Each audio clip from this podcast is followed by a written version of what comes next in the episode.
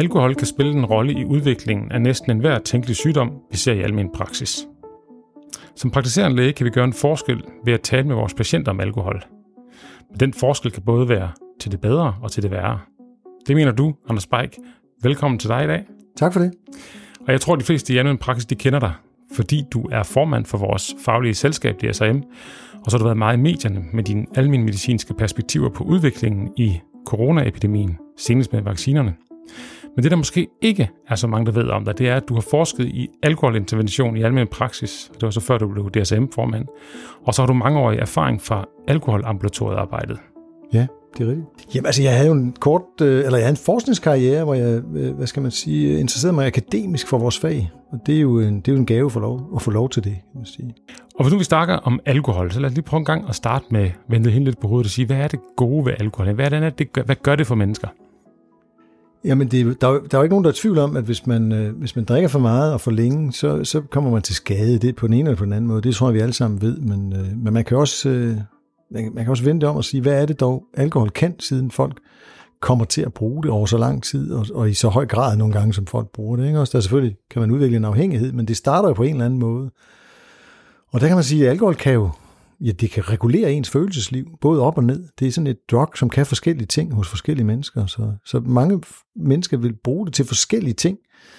Øhm, der er jo, det er jo også kendt som social smøremiddel, og der er en masse ritualer knyttet til alkoholindtagelse, som gør, at øh, hvis vi indtager alkohol, så kan vi opføre os på en bestemt måde. Og sådan. Der er en masse ting, som vi bruger det til i vores kultur, og som den enkelte kan bruge det til sådan, øh, i, i forhold til at styre følelseslivet.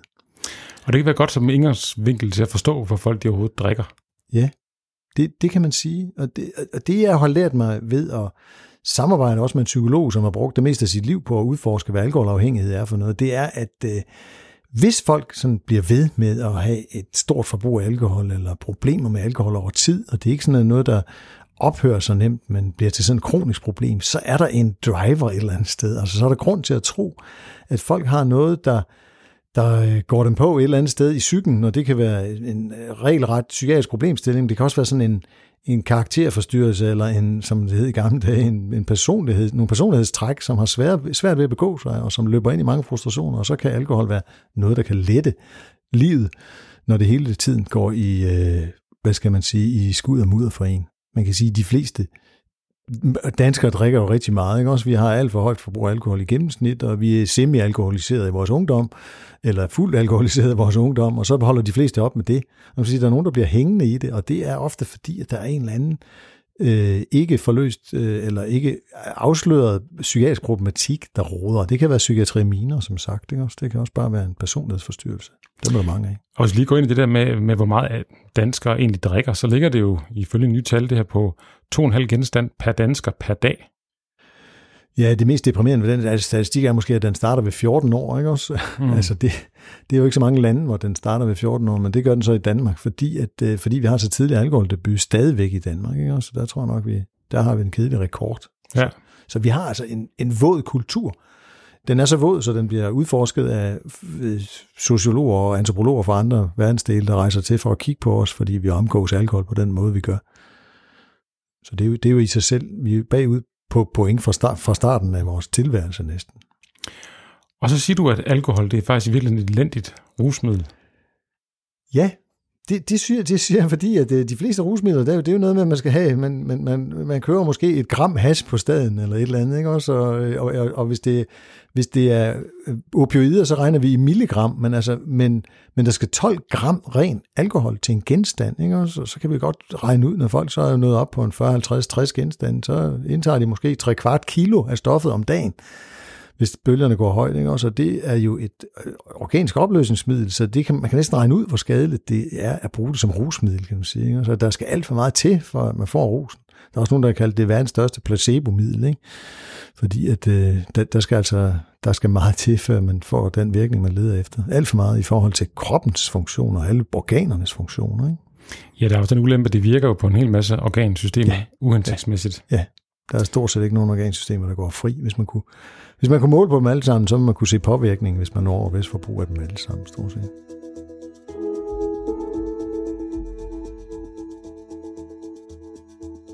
Som læger, der kan vi gøre en forskel ved at tale med vores patienter om det her. til det gode og til det onde. Ja, men altså, ja. Altså, der er jo sådan, øh, når man, øh, når man bliver uddannet som læge, så bliver man sådan, øh, øh vil sige, så, så er der sådan en standardopskrift på en anamnese, når der kommer en patient. Så spørger man folk, hvor meget de drikker, og hvor meget de ryger og sådan noget, ikke? Også og, hvad de bestiller, og øh, om de er gifte og sådan noget. Ikke? Men, det, men de der spørgsmål om forbrug af rusmidler, de indgår som sådan rutine, rutineprægede spørgsmål.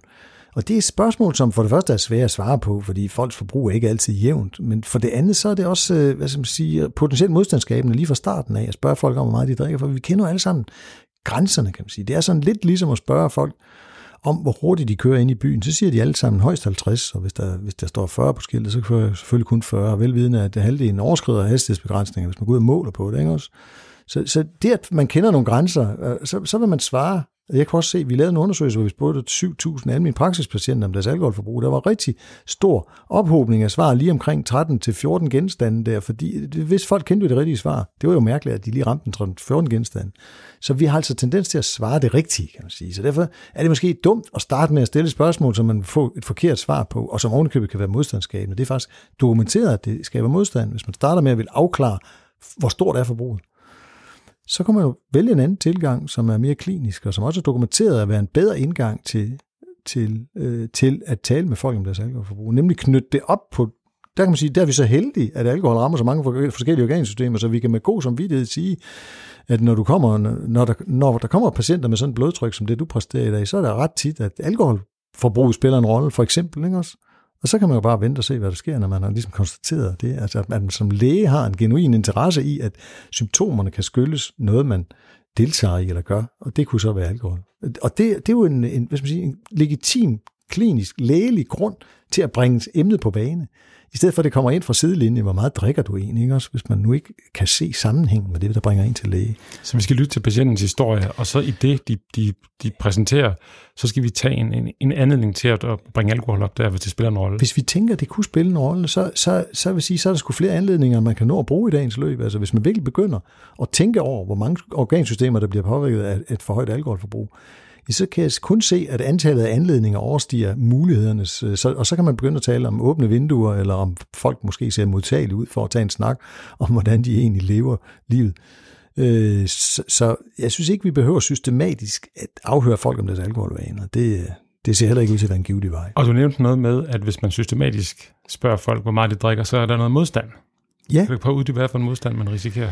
Jamen altså, det, det, er, det, det er et spørgsmål, som helt automatisk får folk til at hejse paraderne. Så hvis du så bagefter spørger dem om nogle konsekvenser, altså man har lavet sådan nogle studier af folk, der faktisk er diagnostiseret som havne et, en alkoholafhængighed. Hvis du så går, sender en interviewer ind til dem og starter med at spørge dem om alkoholforbruget, så svarer de, så svarer de ikke Øh, Øh, bekræftende på konsekvenser, altså negative konsekvenser bagefter, men hvis du starter med et åbent spørgsmål, prøv at fortælle mig noget om dine øh, alkoholvaner, så går de i gang med at fortælle nogle af de konsekvenser, der er knyttet til deres alkoholvaner. Altså selv folk, der er kendt alkoholafhængige, de rejser modstandsparaderne, når de bliver spurgt om, når de starter med at blive spurgt om, øh, om deres forbrug af alkohol, så det, det er simpelthen, øh, det, det er simpelthen et, det, det kommer til at virke som et forhør. Og hvis man starter et interview med et forhør, så har man ligesom ødelagt chancen for at tale om, hvad det egentlig gør ved en, positivt og negativt for den sags skyld, det der alkohol. Sådan helt lavpraktisk, har du nogle andre nogle forslag til, hvordan man kan åbne spørgsmål til den her samtale?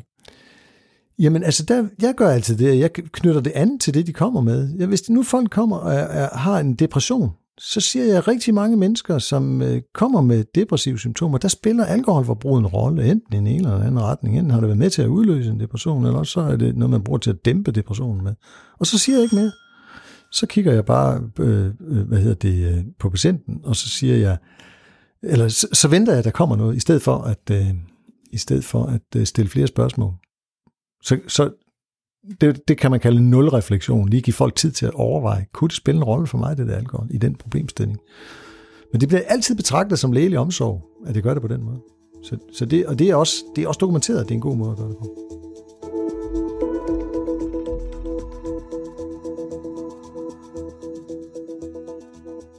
DSM, som du er formand for, har sammen med Trykfonden og Alkohol og Samfund lavet en OPS-kampagne. Ja. Kan du prøve at fortælle, hvad det er?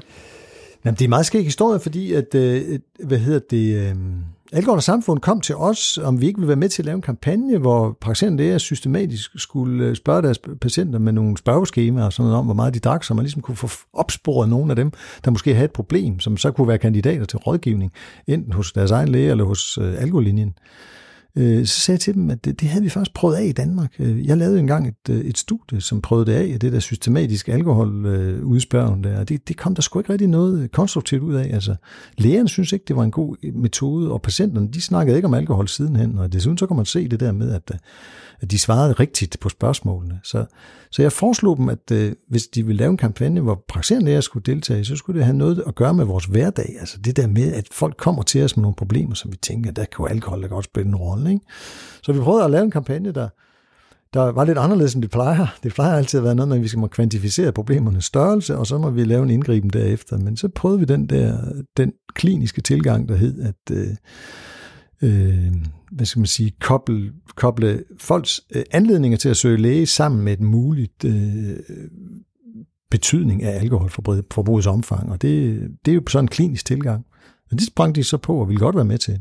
Så blev det så til den der opskampagne øh, som ligesom er rettet mod sundhedsvæsen, kan man sige. Prøv at spørge, hvis der er noget, der lugter lidt af alkohol, så prøv at bringe det på banen på en fornuftig måde, for det betyder alt, hvordan man bringer det her emne på banen. For det er jo sådan stigmatiseret problematik, som øh, man kan hurtigt føle sig anklaget. Og hvad står OPS for i OPS-kampagnen?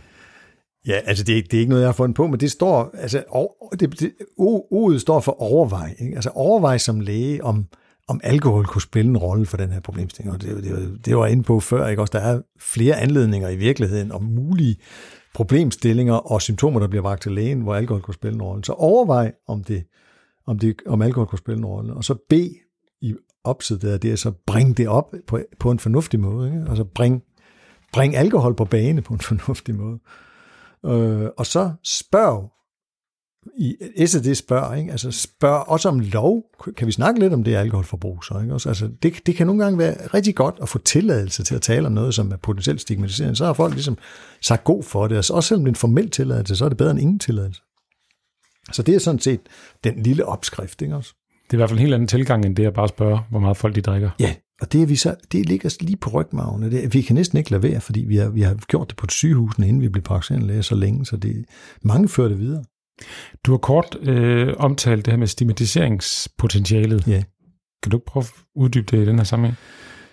Jo, men det er jo også derfor, at man, man, kan ikke, altså man kan ikke komme sidelæns ind i sådan en problemstilling her. Altså når folk har et alkoholforbrug, øh, som skader dem og har haft det i mange år, så er det jo, øh, så, så er det jo indlejret i deres måde at leve på. Og det er jo både, det, man kalder det en, øh, en, en ego-symptom problemstilling, ikke også? Fordi det er både en tryg ven, og så er det også en fjende, det ved man godt. Man er ambivalent, når man har et alkoholproblem, ikke også? Øh, og folk med ambivalens, dem skal man jo tilgå på en, øh, på en måde, så de, øh, så de tør blot lægge den ambivalens, i stedet for at de hopper over i den sikre lejr, der hedder, der er ikke noget problem, eller det er kun lige nu, eller hvad de nu kan sige, ikke også, øh, hvis man bliver, hvis man bliver provokeret. Så man skal tænke, at det er potentielt stigmatiserende at tale om det, men hvis man taler om det på en ordentlig måde, så kan man faktisk godt få lov til at tale om den ambivalens, der ligger indbygget i at have en alkoholafhængighed. Det er faktisk, øh, det er faktisk dokumenteret af ham, Per Nielsen, som jeg har lavet noget sammen med, også noget undervisning. Han har, han har undersøgt en, en masse øh, alkoholafhængige mennesker og fundet ud af, at det, det er en kronisk ambivalens, de lever i. Altså, de stopper med at drikke og begynder med at drikke, og stopper med at drikke og begynder med at drikke, fordi øh, det er en kronisk ambivalens. Så man tænker jo, det er sådan forhærdet alkoholiker, de kan slet ikke lade være. De vil rigtig gerne lade være, og prøver også, ikke? kun indtil det ikke lykkes længere, og det kan være nogle timer senere. Ikke? Og det kender vi jo godt selv også, da vi kan have ambivalens over for øh, gerne vil leve sundere, eller hvad med at spise meget chokolade, eller hvad det nu måtte være, men når det så det handler om alkohol, så er det en meget stærk magt, man er op imod, for man bliver jo fysisk afhængig af alkohol, ikke? Får slemme abstinenser, hvis man har drukket længere. Jeg tænker også, at vi skal jo også, nu snakker vi så meget om, om, om kontinuiteten og relationen, altså man skal også være på, hvor meget, hvor store skader man laver på den, hvis man har et godt forhold til en patient, og man lige pludselig bringer noget op, som er, er, er voldsomt øh, overvældende for patienten. Jamen præcis.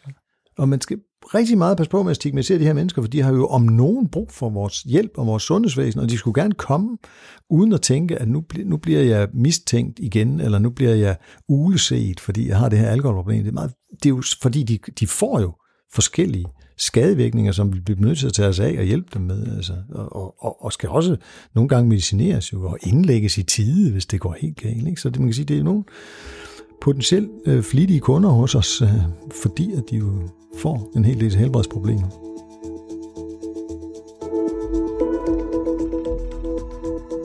Og når vi snakker om ambivalensen, og vi har snakket om det her ven-fjende-forhold, man kan, tage, man kan have til alkohol. Ja. Og så nævnte du før, at øh, bag ved sådan et, et misbrug kan der ligge øh, psykiatri. Øh, ja. Er der noget, vi typisk overser, eller... Jamen altså, mange mennesker ved jo godt, at sådan noget som angst og depression og opmærksomhedsforstyrrelser øh, og også de psykotiske lidelser, de, øh, de, de kan generere øh, misbrug. Det ved, det ved man jo alt for godt fra psykiatrien, ikke? Øh, men også mere uskyldige ting, altså ikke diagnostiserede ting, som person, hele, hele spektret af personlighedsforstyrrelser, det, det kan man jo så diskutere, det er noget, der findes i virkeligheden, men altså man kan sige, der er jo, fælles for personlighedsforstyrrelsen er jo, at folk har svært ved at tilpasse sig, de har svært ved at indgå i relationer, de har svært ved at styre deres emotioner, ikke også? Og det er altså en, øh, helt op til 15 procent af en befolkning, der er bestykket på en måde, så de hele tiden kan råde ud problemer, fordi de ikke kan de der ting. De mangler simpelthen nogle færdigheder, og de ved det jo ikke, for de har aldrig fået en diagnose, så de kan gå et helt liv og undre sig over, hvorfor det hele tiden går galt for dem. Mm. På alle mulige måder. Ikke? Og, og ofte så vil man så have brug for, i nogle sammenhænge, at dulme smerten ved at leve et liv, der ikke fungerer hele tiden. Så, så kan man drikke for meget, eller ryge for meget, eller tage piller, smertestillende piller, eller, eller beroligende medicin, eller hvad det nu måtte være, man kan få fat i, som modulerer ens følelsesliv. For det er jo stærkt frustrerende at have et liv, der ikke fungerer. Og der kan man sige, at personlighedsforstyrrelserne, det er meget, det er meget øh, underdiagnostiseret. Øh, og jeg taler ikke kun om border, når man siger personlighedsforstyrrelse, så, så er der mange læger, der siger, når du mener borderline, ja, det er jo sådan meget dramatisk personlighedsforstyrrelse, ikke også? Men der er jo masser af personlighedsforstyrrelser, som har, øh, er i en ængstelig boldgade, for eksempel. Ikke? Der er også folk, der er asocial, asocial anlagt, ikke også? Altså skizoide personlighedsforstyrrelser, som bliver overset, ikke også? Som bare bliver kaldt sære eller, eller mærkelige, ikke også? Og de, de, de kan også have nød, nødt til at have nogle stimulanser, der sætter lidt gang i deres meget dorske følelsesliv, ikke? Så der, der er et helt spektrum man taler jo om, øh, om, om de ængstlige øh, og de sære og de dramatiske personlighedsforstyrrelser. Ikke? Også, øh, og det er jo ikke folk, der får en diagnose. Nogle, mange af dem, altså borderline får ofte en diagnose, men mange af de andre får jo aldrig en diagnose. Men de kommer hos os, de besøger os hyppigere end gennemsnittet, så man kan sige, hvis 15 procent opfylder kriterierne, og de kommer hos os hyppigere, så fylder de ret meget hen hos, hos os, og de vil ofte blive genkendt som vanskelige patienter, fordi de er lidt utilpassede, ikke? så det, hører, det hører til, at man har svært ved at tilpasse sig, uanset hvilken personlighedsforstyrrelse man næsten har. Så, så vi vil ofte betragte dem som vanskelige patienter, for det ikke skal være løgn. Ikke?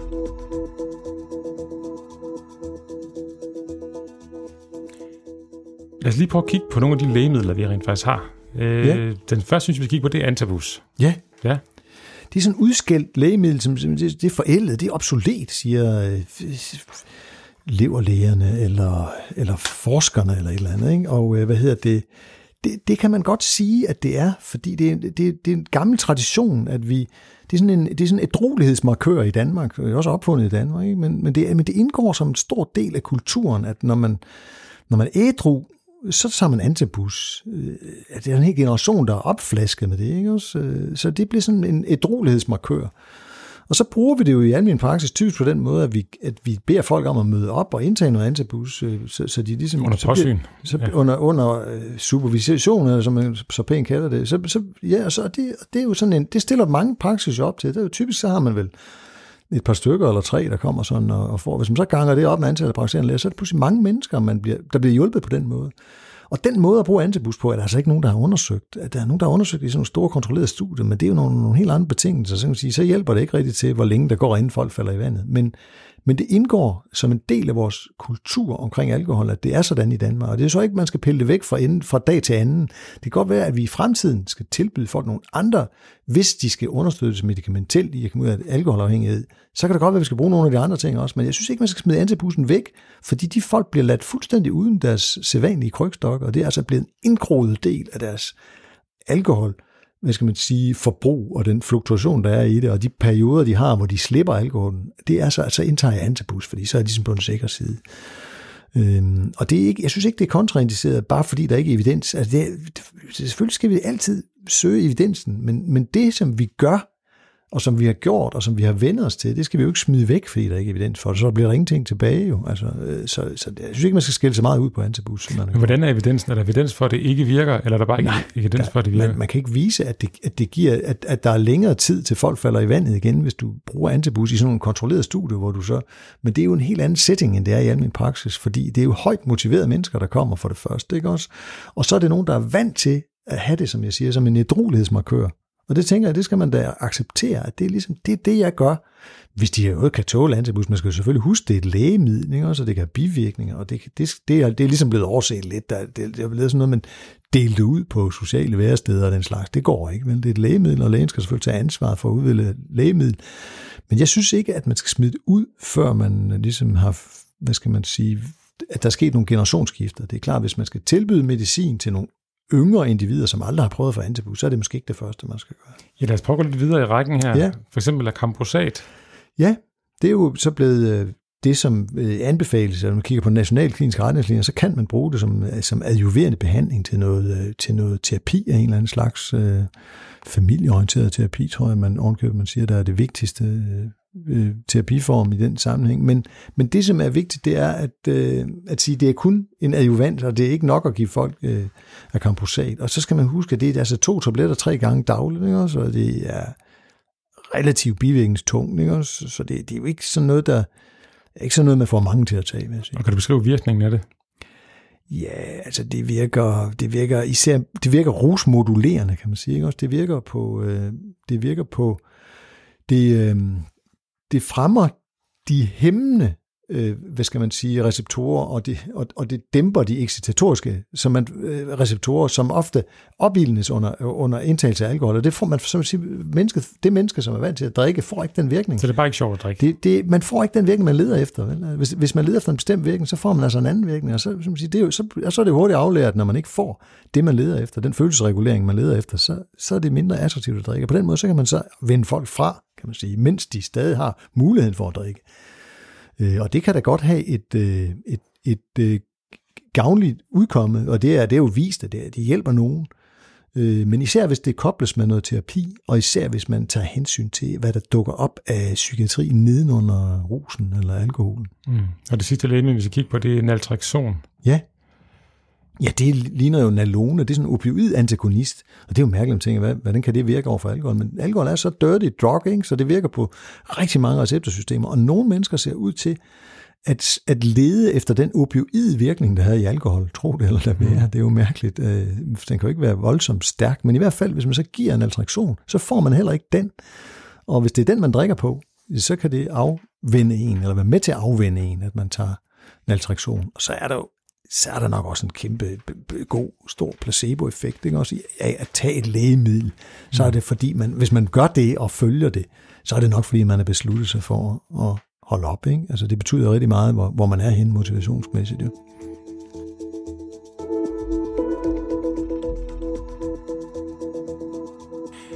Lad os lige her på til sidst prøve at høre lidt om den forskning, du selv har lavet. Ja. Jamen, øh, vi, øh, jeg, jeg overtalte, eller jeg, jeg skrev ud og inviterede en masse læger til at deltage i sådan et systematisk alkoholprojekt, hvor vi skulle screene patienterne, der nu, nu de kom i almindelig praksis alligevel. Det var sådan en WHO-opskrift, som var, øh, skulle være trykprøvet, og jeg, egentlig var det et implementeringsprojekt, jeg skulle ud i, men så fandt jeg ud af, at der, der manglede nok lige at blive testet af ude på marken. Det var ligesom om, at resultaterne var fremkaldt i et drivhus. Så jeg øh, skruede mit eget projekt sammen og fik, et, et, jeg tror, jeg fik et par millioner til at lave det for, så de praktiserende læger kunne, øh, kunne, øh, hvad skal man sige, bruge tid på det også. Vi screenede øh, sammen med 40 praktiserende læger. Det var så dem, som var virkelig, de synes, det var værd at give et skud. Man sige, det var de mest velvillige indstillede, jeg kunne finde. Der var 40, der meldte sig. Vi screenede 7.000 praksispatienter i løbet af et par måneder ude i praksis. Og, øhm, og så dem, der faldt ud, de blev så enten placeret i en, øh, i en, i en, en, øh, en kontrolgruppe, eller også så blev de udsat for lægens umiddelbare intervention, altså en kort intervention efterfølgende, der gik ud på at snakke lidt om, hvad alkohol kan gøre ved ens helbred, og øh, et råd om at lade være, og nogle forslag til, hvordan man så kunne skrue ned for alkoholforbruget, eller eventuelt holde en pause, eller sådan noget. Det var, det var sådan en, en, en opskrift, som fandtes på det tidspunkt, lidt ligesom man siger brief advice, øh, hvis det er smoking, ikke? Også, øh, så, så var der altså en opskrift, og vi prøvede den af, og de praktiserende læger blev så interviewet efterfølgende i sådan et kvalitativt studie, hvor vi prøvede at udfritte dem om, hvordan de synes, det var gået.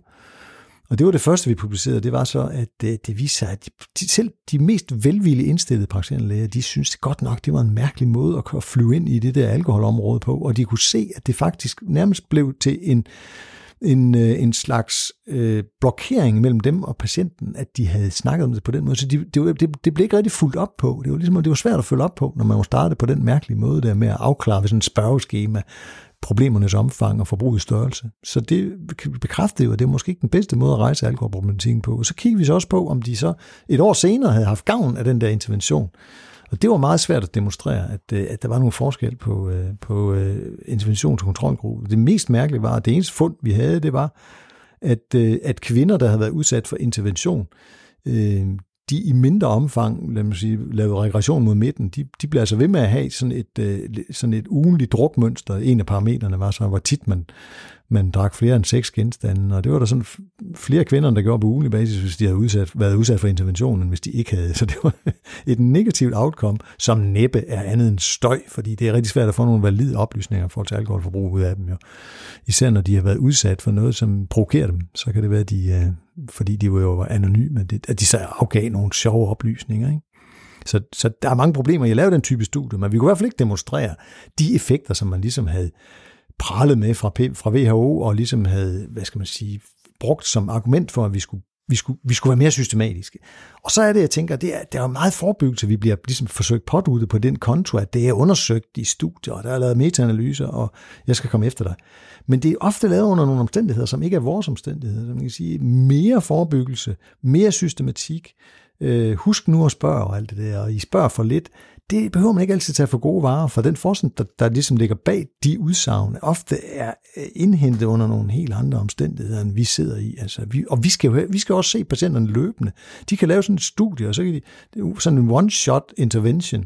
Det er jo ikke sådan, vi skal jo se patienterne igen, som, netop som lægerne i mit studie sagde, det var sgu egentlig blevet, blevet noget mærkeligt noget, vi skulle snakke om alkohol, når, vi har, når nu vi var startet på den sjove måde. Så, så, øh, så man kan sige, at vi bliver nok nødt til at finde nogle tilgange, som, som respekterer den der kontinuitet, og det, at vores, vores relation til patienterne er delt op i små, korte møder på den måde, som det er. Så, så, så ud til højre med alle de der systematiske forebyggelsesinitiativer. Der er også nogen, der har foreslået indvejning ved skranken, og husk nu at måle patienternes livvide. Det kan være, at de bliver tykkere, uden du opdager det, og hvad der ellers har været af sjove initiativer, som, som vi sådan per instinktivt øh, øh, er sådan lidt negative overfor, men det er der også grund til, kan man sige det kunne komme til at lyde negativt, når, når man sådan snakker om, at det nytter ikke noget at gå systematisk til værks, men det, det, det mener jeg jo ikke. Altså, jeg, jeg indledte det også med at sige, at jeg synes faktisk, at vi skal gå klinisk til værks, og så synes jeg, at vi skal gøre det. Så skal vi huske at ture at gøre det, fordi hvis, hvis man gør, hvis man blander sig i folks alkoholvaner og starter det på en god måde, som omsorg for deres helbred og de problemer, de bringer til lægen, så, kommer man, så kan man komme rigtig langt så bliver det ikke en stopklods mellem lægen og patienten, man har talt om, så bliver det faktisk en omsorg, som man også kan høre mange alkoholikere, som er blevet tørlagte, fortælle, at det var i grunden mærkeligt, at lægen aldrig rigtig snakkede om det. Han må du have kunne se det på mig. Ikke? Så vi har altså en eller anden berøringsangst. Men hvis vi står på et klinisk grundlag, så behøver vi ikke at have berøringsangst. Så giver det faktisk en god dialog. Så det, det, det, det, altså opfordringen skal selvfølgelig lyde, at man skal bruge alle de anledninger, man kan komme afsted med, når man synes, der ser ud til at være et åbent vindue. Og den kliniske anledning, dem er der sgu nok af derude. Du har hørt praktiserende læge og formand for DSM, Anders Beik, fortælle om alkohol i almen praksis. Det er altså afgørende, hvordan vi bringer alkohol op over for vores patienter.